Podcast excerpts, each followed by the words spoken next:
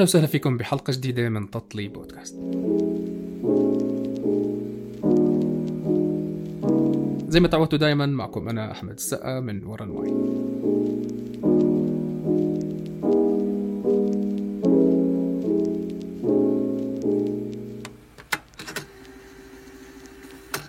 راح نحكي اليوم عن طب الأسنان. راح نتطرق لمواضيع عدة في نفس المجال. ضيفنا مميز لليوم دكتور حسام عودة أهلا وسهلا فيك. يا هلا بيك. حسام في البداية أول شيء بدي تحكي لي شوي عن نشاطاتك خارج العيادة. شوف هو طب الأسنان بشكل عام إيه، تخصص بحط على كاهلك ستريس عالي ضغط نفسي عالي. والضغط النفسي يعني أنا بشبهه بقوة المي لازم يتصرف بأي شكل ما بصيرش يتراكم. فعشان تصرفه لازم يكون عندك هواية ثانية. فالهواية الثانية كانت عندي هي ال hiking والمغامرات اللي بتكون بالطبيعة. فهاي المغامرات هي اللي كانت بالبداية هواية خفيفة بس هسه صارت ضغط على جانب الأسنان. ما بتحب ناس يجوا عندك هلا على العيادة؟ لا بالعكس بحب بحب أكيد بس بحب أكثر أعمل hiking يعني أنا بحب الشغلتين يمكن بنفس الدرجة بس يعني بظل موضوع ال hiking هيك استكشاف الطبيعة غير عن طب الأسنان أكيد. مخربط على شغله والله لا لا. تعدل بينهم. يعني هي آه بالضبط. بحاول قدر الإمكان يعني. للحظة ممكن مثلا يعني يعني إذا بدي أضل بالعيادة راح أخرب ال hiking إذا بدي أضل بال hiking راح أخرب العيادة. بحاول قدر الإمكان أكون تعمل balance بالضبط قدر الإمكان.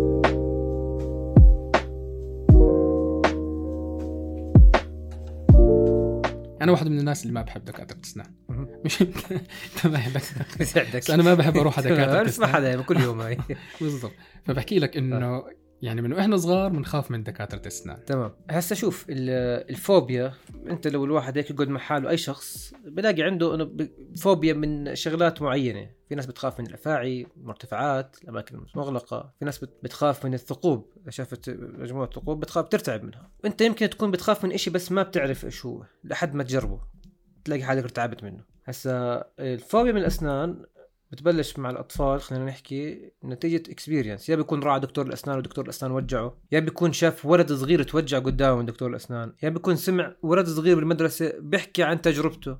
يا بيكون سمع أمه أو حدا من البيت حكى عن إنه راح على العيادة وتوجع. فبصير بعقله اللاواعي إنه في خوف من طب من دكتور الأسنان مع إنه ما عمره زاره. فبروح على دكتور الأسنان هو موجوع طبعا ما بتقبل العلاج. فالصعوبه هون إنك كيف تتعامل مع الطفل وتكسر هاي الفوبيا إنه هو طفل أو حتى وهو كبير. في ناس كبار بيجوا بيكونوا عندهم يعني خوف يكون خايف يمكن ينخنق إنه من الشغل آه، خايف آه، يدخل إشي جوة أمه خايف يتوجع. خايف من الإبرة طبعا هي قصة قصة ثانية يعني. آه خوف, الإبرة هذا لحاله. بالضبط آه. فيعني كيف إنك بدك تكسر هاي الفوبيا؟ يعني بتعتمد على الدكتور بشكل أساسي.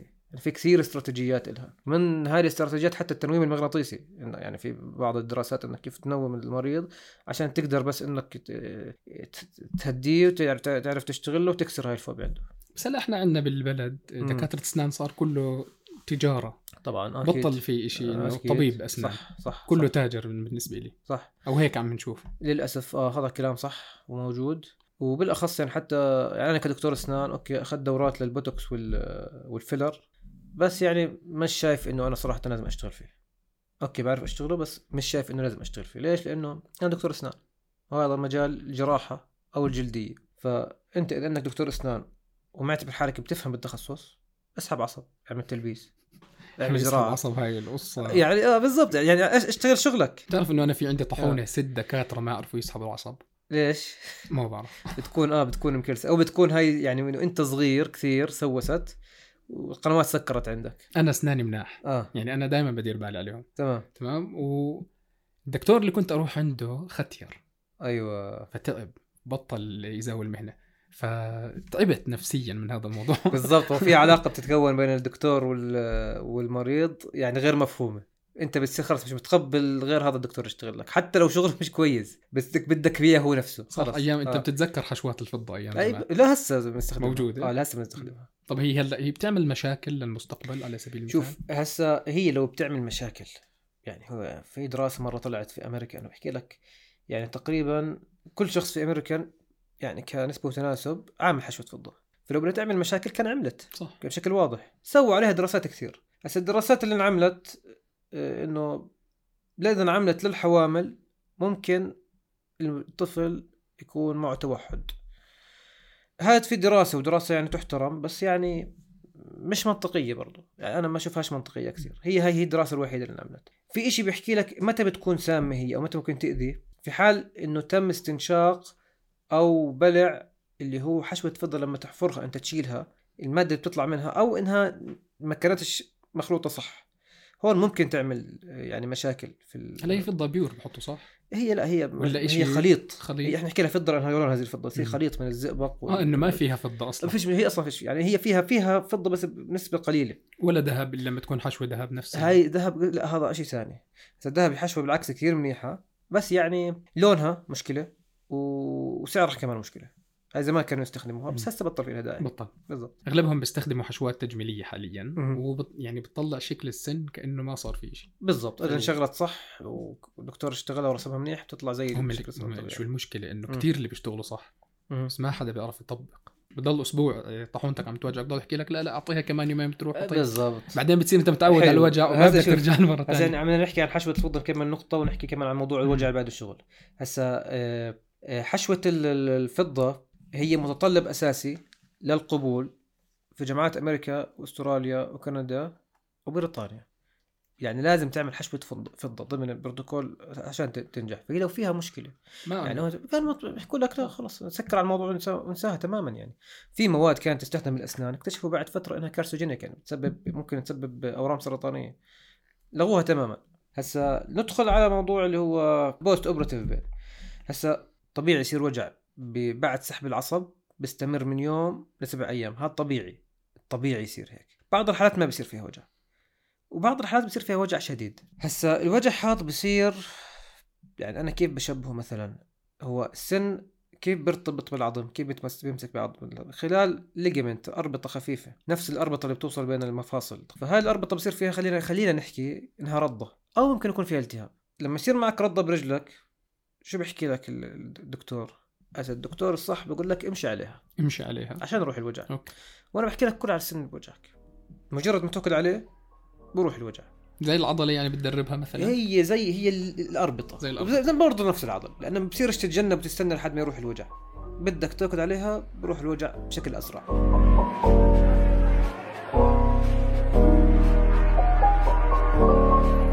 في دراسة طلعت بال 2011 تقريبا إنه الناس اللي انولدت بعد ال 2000 ما بيطلع لهم طحون عقل هل هذا منطقي؟ لا ابدا مش صح. ابدا مش صح. أيوه يعني نحكي عن نتائج إحنا. في ناس يعني صادفتهم طلعوا لهم طحون عقل مواليد ال 2000 طبعا آه أكيد أكيد موجود. كل يوم. أنا هلا ما- هو ما جسم الإنسان مش بتطور وبعد فترة. لا هي مش لا لا مش هيك يعني. لو بده يصير تطور يعني بس مش لهالدرجة إنه طحون عقل أنت بتحكي شيء كثير يعني ميجر إنه تبطل تطلع. هسه أصلا بالوضع الطبيعي إنه في ناس كثير ما بيطلع لهم طوحين عقل يعني مش ناس كثير إحنا بنحكي لما نحكي مثلا واحد بالألف تعتبر نسبة عالية. أنت بتحكي من بين كل ألف واحد في واحد. يعني في أكثر من مريض آه، مثلا آه، ما بيطلع له طواحين عقل يعني في أصحاب إلي آه، فحصتهم ما عندهمش طواحين عقل بيحكوا لك أنا ما خلعته ما عندي. أوكي تمام. في ناس بيكون عندهم زيادة. طواحين زيادة. طواحين زيادة. طبيعي. مرات بتكون مثلا عندك زي ال Down syndrome مثلا. بيكون عندهم نقص بالأسنان وبعضهم بيكون عنده زيادة بالأسنان. فما لهاش خص إنه بعد 2000 أو قبل 2000 نهائيا. نهائيا ما لها خص ما لها دخل. نهائيا. يعني يعني, نظرية خاطئة. يعني مش منطق مواليد ال 99 شهر 12 يكون عنده طواحين عقل ومواليد شهر 1 2000 يكون مش عنده. والله قرأت دراسة كانت بال 2011 آه، عن ماساتشوستس اسمها الجامعة. كانوا عاملين شيء زي هيك. آه، يعني ممكن تكون هيك يعني حدا حاب يعمل دراسة ويعملها و... حاب يثبت داروين. بس فهمت كيف؟ أيوه بالضبط بالضبط. بس ما بس لا يعني إحنا بنحكي عادي جيب أي واحد إيه، يعني مواليد ال 2000 أو 2010 حتى بكون مبين البراعم صور موجودة. هلا هي طاحونه. العقل يعني إلها شغل مش إنه على الفاضي. هسه شوف يعني عقل شيلها بيجي لك هسه شوف طاحونه العقل بتطلع آخر طاحونه ففي ناس فكهم صغير. فبس تطلع يمكن ما يكونش لها مكان تطلع. فبتطلع مايله في نظرية كانت زمان بتحكي لك إنه هي بتدفش الأسنان.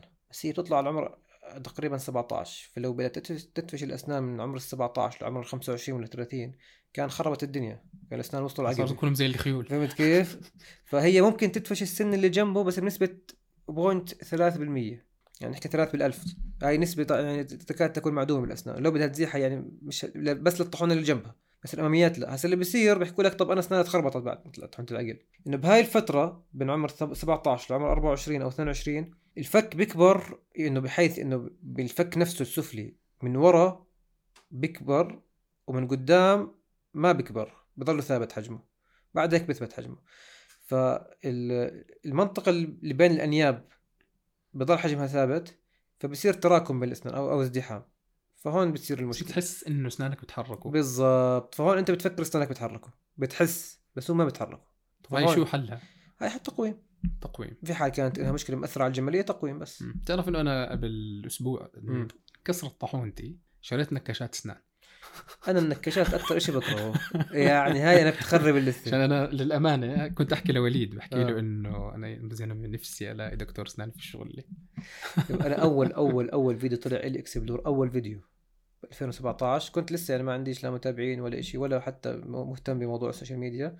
كان فيديو إلي وأنا بخلع طاحونه العقل لحالي.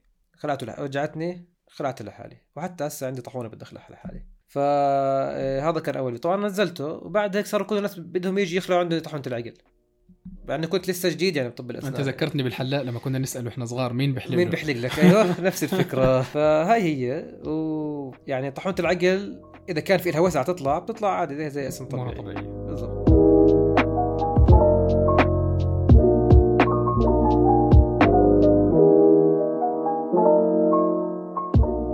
فيديو قبل أسبوعين كان نازل عندك على الإنستغرام جاب مشاهدات كتير كبيرة. بتحكي فيها عن طب الأسنان وأنت في الطبيعة. كان مع دكتورك إنه شيء زي. بالضبط. كنا هيك آخر ال hiking قاعدين. كانت معنا دكتورة شذى هي أخصائية تغذيه فكانت بنت معنا سألتني وحكت لي إنها خلع طاحونه عقل جديد ولسه يعني موجوعة. فهون حكيت لها أنت شكلك لك فترة ما بتاكلي على الجهة هاي. فحكت لي صحيح قلت لها هسه هون المشكلة إنه هاي ممكن تعمل لك عدم توازن. حكت لي فعلا أنا لي فترة بس أقوم بدوخ. ورحت على دكاترة أنف وأذن وحنجرة ودكاترة كثير حكوا لي أمورك تمام. هسا الفكرة هون بتصير إنك أنت لما تأكل أو تعتمد على جهة واحدة تأكل على اليمين أكثر من اليسار. أنت بتخرب الجهتين. الجهة اللي بتأكل عليها بتسوس أكثر والجهة اللي ما بتأكل عليها بتراكم عليها الأكل والبكتيريا برضه بتخرب. وعدا عن هيك عضلات الجهة اللي بتأكل عليها بتصير أقوى. زي كأنك بتلعب مثلا بالجيم باي- الفك مش متناسق. بالضبط. حتى شكل الوجه كامل بصير مختلف. تمام. بصير وجه هيك شاد ووجه راخي فبيطلع ال- بصير asymmetry أو عدم ت- التناسق بين الجهتين. وهذا الشيء بيعمل عدم توازن. بس هاي يعني بلشت أول دراسة انعملت أو أول نظر يعني حدا حكي في الموضوع أو طلعت نحكي ترند أو انعرفت المعلومة على اللاعب الهولندي آرين روبن. لما انصاب فترة طويلة تقريبا ست أشهر وما حدا كان عارف شو ماله مع إنه بالمانيا يعني وألمانيا تعتبر من الدول المتقدمة بالطب. قعد فترة مصاب عندك التهاب بعصب عصب القدم وابصر إيش ويرجع واسبوعين زمن يرجع ينصاب. كيف إصابته؟ إنه مش عارف يلعب بفقد توازنه. بعد فترة راح يعمل مراجعة عند دكتور أسنان لقى عنده طاحونة ملتهبه وهو فعلا الجهة هاي كلها ما باكل عليها لأنها طاحونة بتوجعه وهو بيخاف من دكاترة الأسنان. فعالج له إياها صار ياكل على الشمال. انتهى الموضوع. زبطت أموره. لعب بكأس العالم 2018 كأنه ووصلوا يمكن نصف النهائي بهذيك البطولة وكان من أفضل اللاعبين. يعني اسنان بيأثروا على كل شيء. مليون بالمية. فهذا الفيديو بس آه، حكيت المعلومة. اجت الدكتورة شذا صورتني اياه وحكيته. تفاجأت إنه وصل مليون. لأن الناس فعلا طلعت ما بتعرف هاي المعلومة. الناس ما بتعرف. شيء عن طب الأسنان. أكيد طبعا. بيعرفوا إنه بس بدك تروح عنده تاخذ إبرة وتضلك أسبوعين متوجع. بالضبط. بالضبط. هاي هي. يعني هاي آه. الفكرة ال- أو مهم. الصورة النمطية اللي ماخذينها عند الاسنان مهم. أو ما بنعرف شيء عن طب الأسنان. تمام؟ ودائما بنجهل هذا الشيء والناس أغلبها بتروح على طب التجميل. لأنه يعني الناس بتعرف إنه أو اللي ماخذة فكرة عن الأسنان إنه بس بدك تعمل شكل حلو تبتسم فيه أوكي هذا جزء مهم من الأسنان بس مش أساسي. يعني أنا بشوف دكتور الأسنان لازم يكون بفهم بكل إشي بالطب حتى لو بس إنه يعني يعرف يشخص المرض. يعني مثلا أنا بالعيادة وبعيد الشر عن الجميع يعني إيه، شخصت عشر مرضى أو أكثر شوي معهم cancer بالعيادة الأسنان. هم جايين يعالجوا أسنانهم مش. منتبهين. بال list آه بالضبط. قدرت أعرف إنه عندهم أعراض احتمال كبير يكون معهم cancer أحولهم وللأسف يطلع كلامي صح يعني. ف آه، طيب أنت يعني ممكن تكون أنقذت حياة آه، بني آدم. بالضبط. آه في شغلة زي هيك. فلازم تكون تعرف هاي النقطة. مش هدفك الاساسي تعمل بوتوكس أو filler للمريض. okay يعني يمكن يكون هو إشي مرات آه، يعني نحكي مجدي ماديا بس آه، يعني هذا طب بالآخر اسمه. أنت بتعرف إنه قبل خمس سنين كان في مراكز تجميل تعمل بس تبييض يعني ما لهم دخل. هم تكون صالون تفوت عند صالون أم محمد مثلا. تعمل لك تبييض للأسنان تعمل لك مليون شغلة. صحيح. فهاي الناس كمان بطل عندها ثقة بدكاترة الأسنان. صحيح. إنه بروح أنا عند أم محمد على سبيل المثال وبيض أسناني ب 100 دينار. بالضبط. بدي أجي. عندك بدي ادفع 2000 دينار. بالضبط هاي هي. آه بس هي الفكرة إنه يعني تبييض برضه إذا عمل غلط ممكن يعمل حساسية بالأسنان. آه بشيل طبقه المينا بالضبط. حساسية أنت بتحكي لا راح تعرف تأكل إيه، لا راح تعرف- تشرب شيء بارد ولا شيء سخن حتى الهواء نفسه راح يصير يضايقك صح. فأنت بتكون فتحت أسنانك بطلت تعرف تفرشيهم. فأنت يعني خلال ست أشهر بتكون بصير في تصبغات زيادة 100% وبصير- آه. وحيسوسوا حيخربوا فيعني الشغلة مش شغلة إنه والله بس أفتح لون أسناني ومن دون لا في أكثر من سبب طب ليش اسنانك صاروا صفر؟ بدك تحل الموضوع تعرف السبب قبل ما تحل المشكلة عشان المشكلة ما ترجع. هلا هي مش من التصبغات الشاي والقهوة. طيب معناته ما تعمل بس تعمل تبييض بدك تفهم المريض إنه بدك تقلل الشاي أو القهوة. مثلا. إذا ما بقدر أقلل هذا ما بقدر أستغنى عنه لا تعمله تبييض. بصير يشرب مصاصه ممكن آه بالضبط. ترى هذا أسهل حتى هذا حل من الحلول. هذا حل من الحلول. شايف أنا مش دكتور أسنان بس عندي. هو منطقي لأنه عشان ما بدك أنت التصبغات تضلها فترة طويلة على ال... طب والدخان بيأثر؟ طبعا. الدخان بنشف ال... بقلل اللعاب. امم فاللعاب أصلا هي من الأشياء اللي بتقلل التسوسات. فإذا قلل اللعاب راح يزيد التسوسات. تسوسات تؤدي إلى دمار الأسنان. دمار الأسنان. وحط ضبة بالآخر. بالضبط بالضبط بالضبط.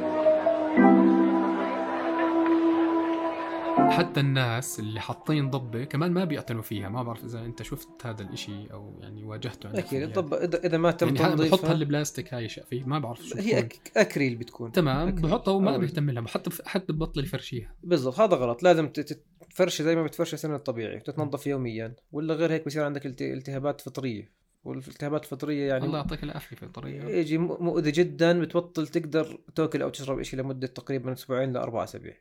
راح شطب. بالضبط آه. مشاكل كتير كبيرة فبحكي لك هي بترجع ل من وإحنا صغار. يعني حتى لما نمرض يعني كنا نروح عند الصيدلاني تدخل على الصيدلية.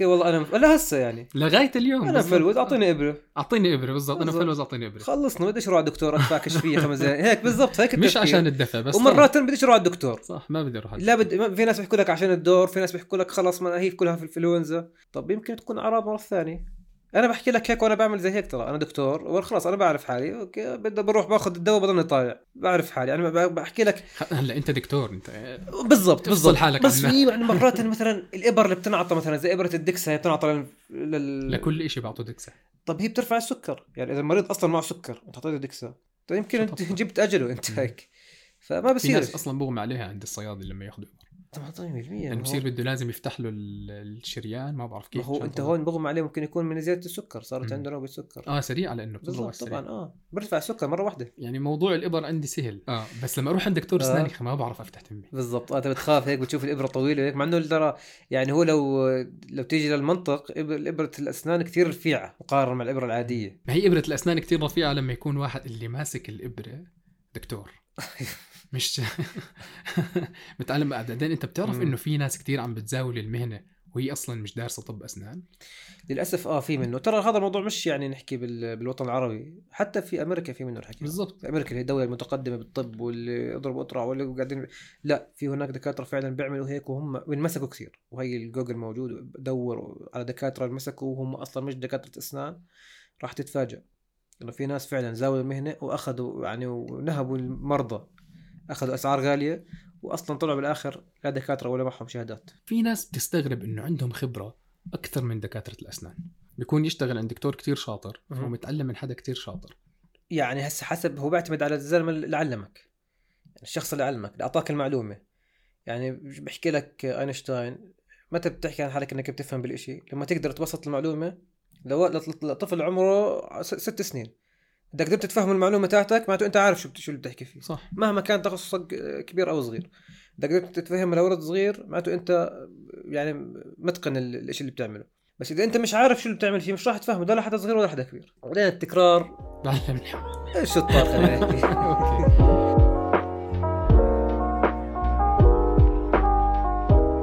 بس لا إنه بنفس الوقت آه. اللي أنا اللي أنا بحكي لك إياه إنه حتى لو كانوا كل الناس بيحكوا إنه وليد أشطر دكتور أسنان في الأردن. أنا مش بديش أحكي عنك أنت بنحكي عن وليد اللي هو مالوش دخل محاسب.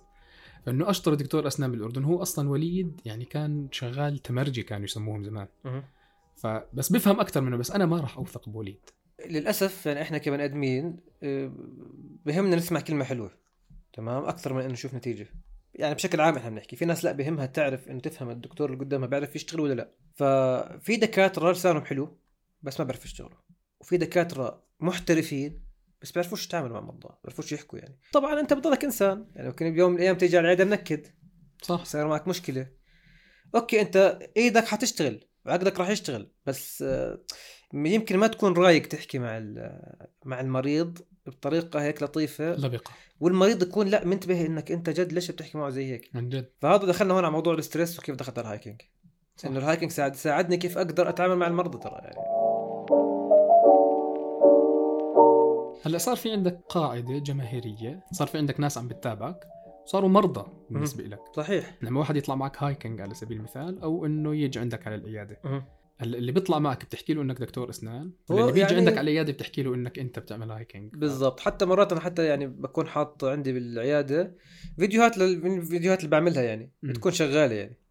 وصور بعض برضو يعني اللي بيكون ما بيعرف بي- بيشوف اللي بيكون أصلا بيعرفني يعني بيكون يعني مش محتاج أشرح له استفدت. من ال social media.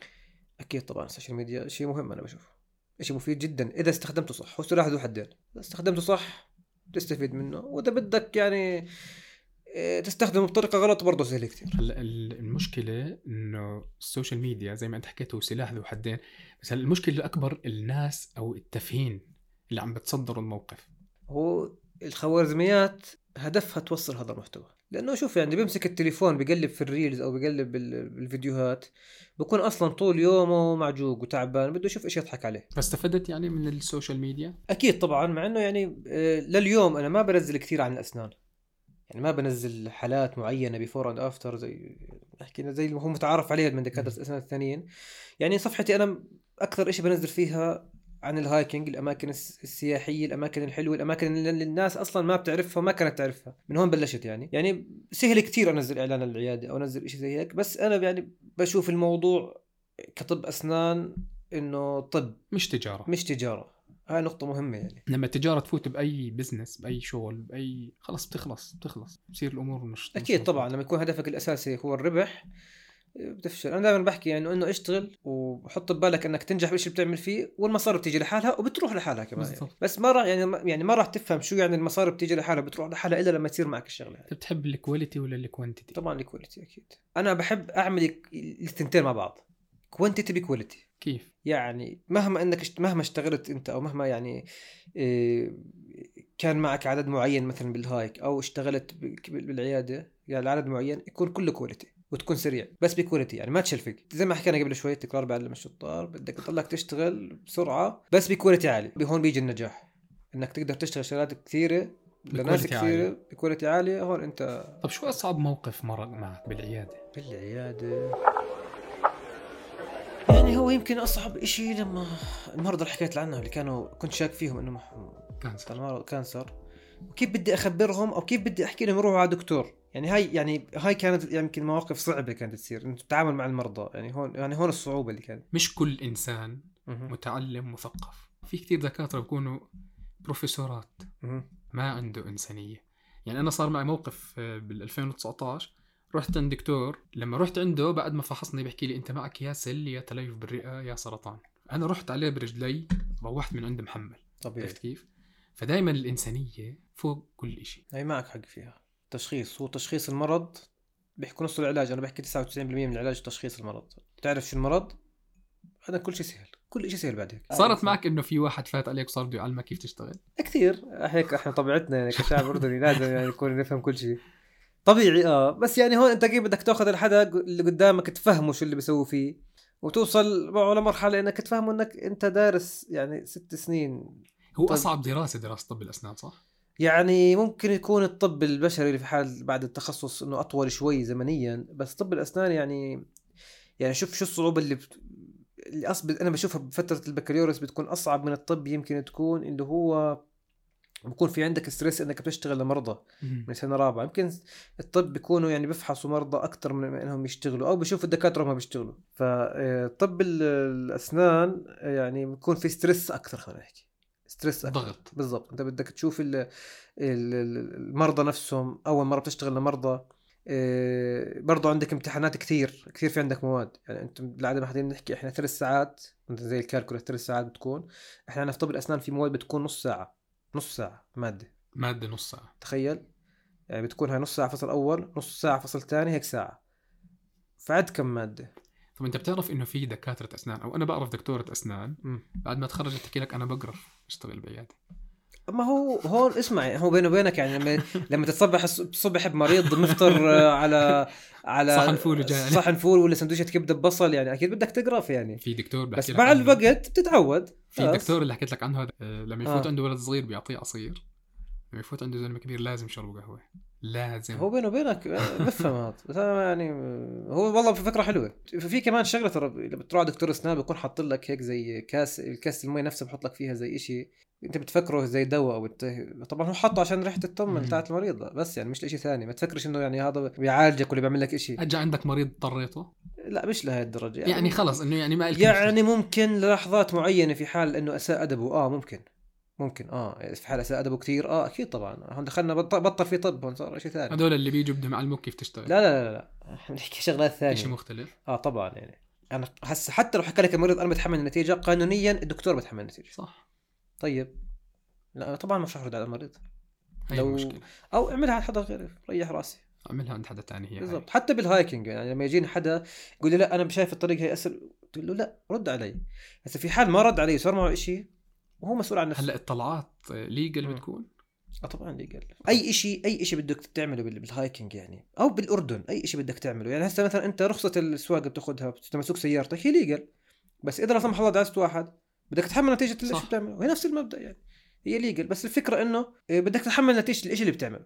بدك تكون عارف شو بتعمل أكيد مش راح تمسك سيارة تاخذ رخصة وتصير تخمس بالشارع وتسوق بسرعة 100 هلأ هو أنت بالجهتين آه، عم تتعامل مع بني آدمين. هذا يعني أصعب شيء بالدنيا. بالضبط هذا شيء صعب. أصعب شيء بالدنيا تتعامل مع بني آدمين. فتنتين كملوا بعض. يعني طب الأسنان علمني كيف أتعامل مع ما. بتحس إنه زاد عليك stress؟ يعني أنا كنت أفكر هيك بالأول. بس لا صار سه- سهل علي التعامل. لأنه. زي ما حكينا التعليق ال- ال- التكرار. بعلم الشطة.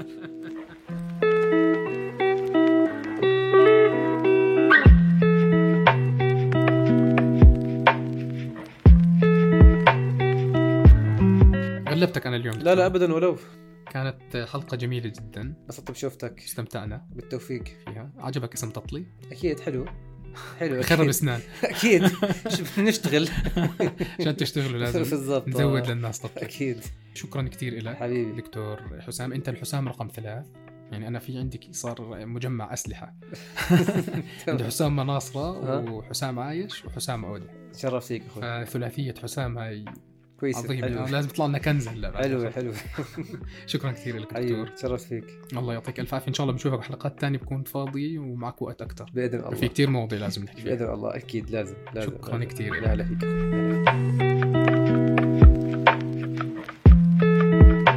هاي كانت الحلقة 44 من تطلي بودكاست. كنت معكم أنا أحمد السامن ولا مايك استنوني كل يوم أربعاء على جميع المنصات الصوتية.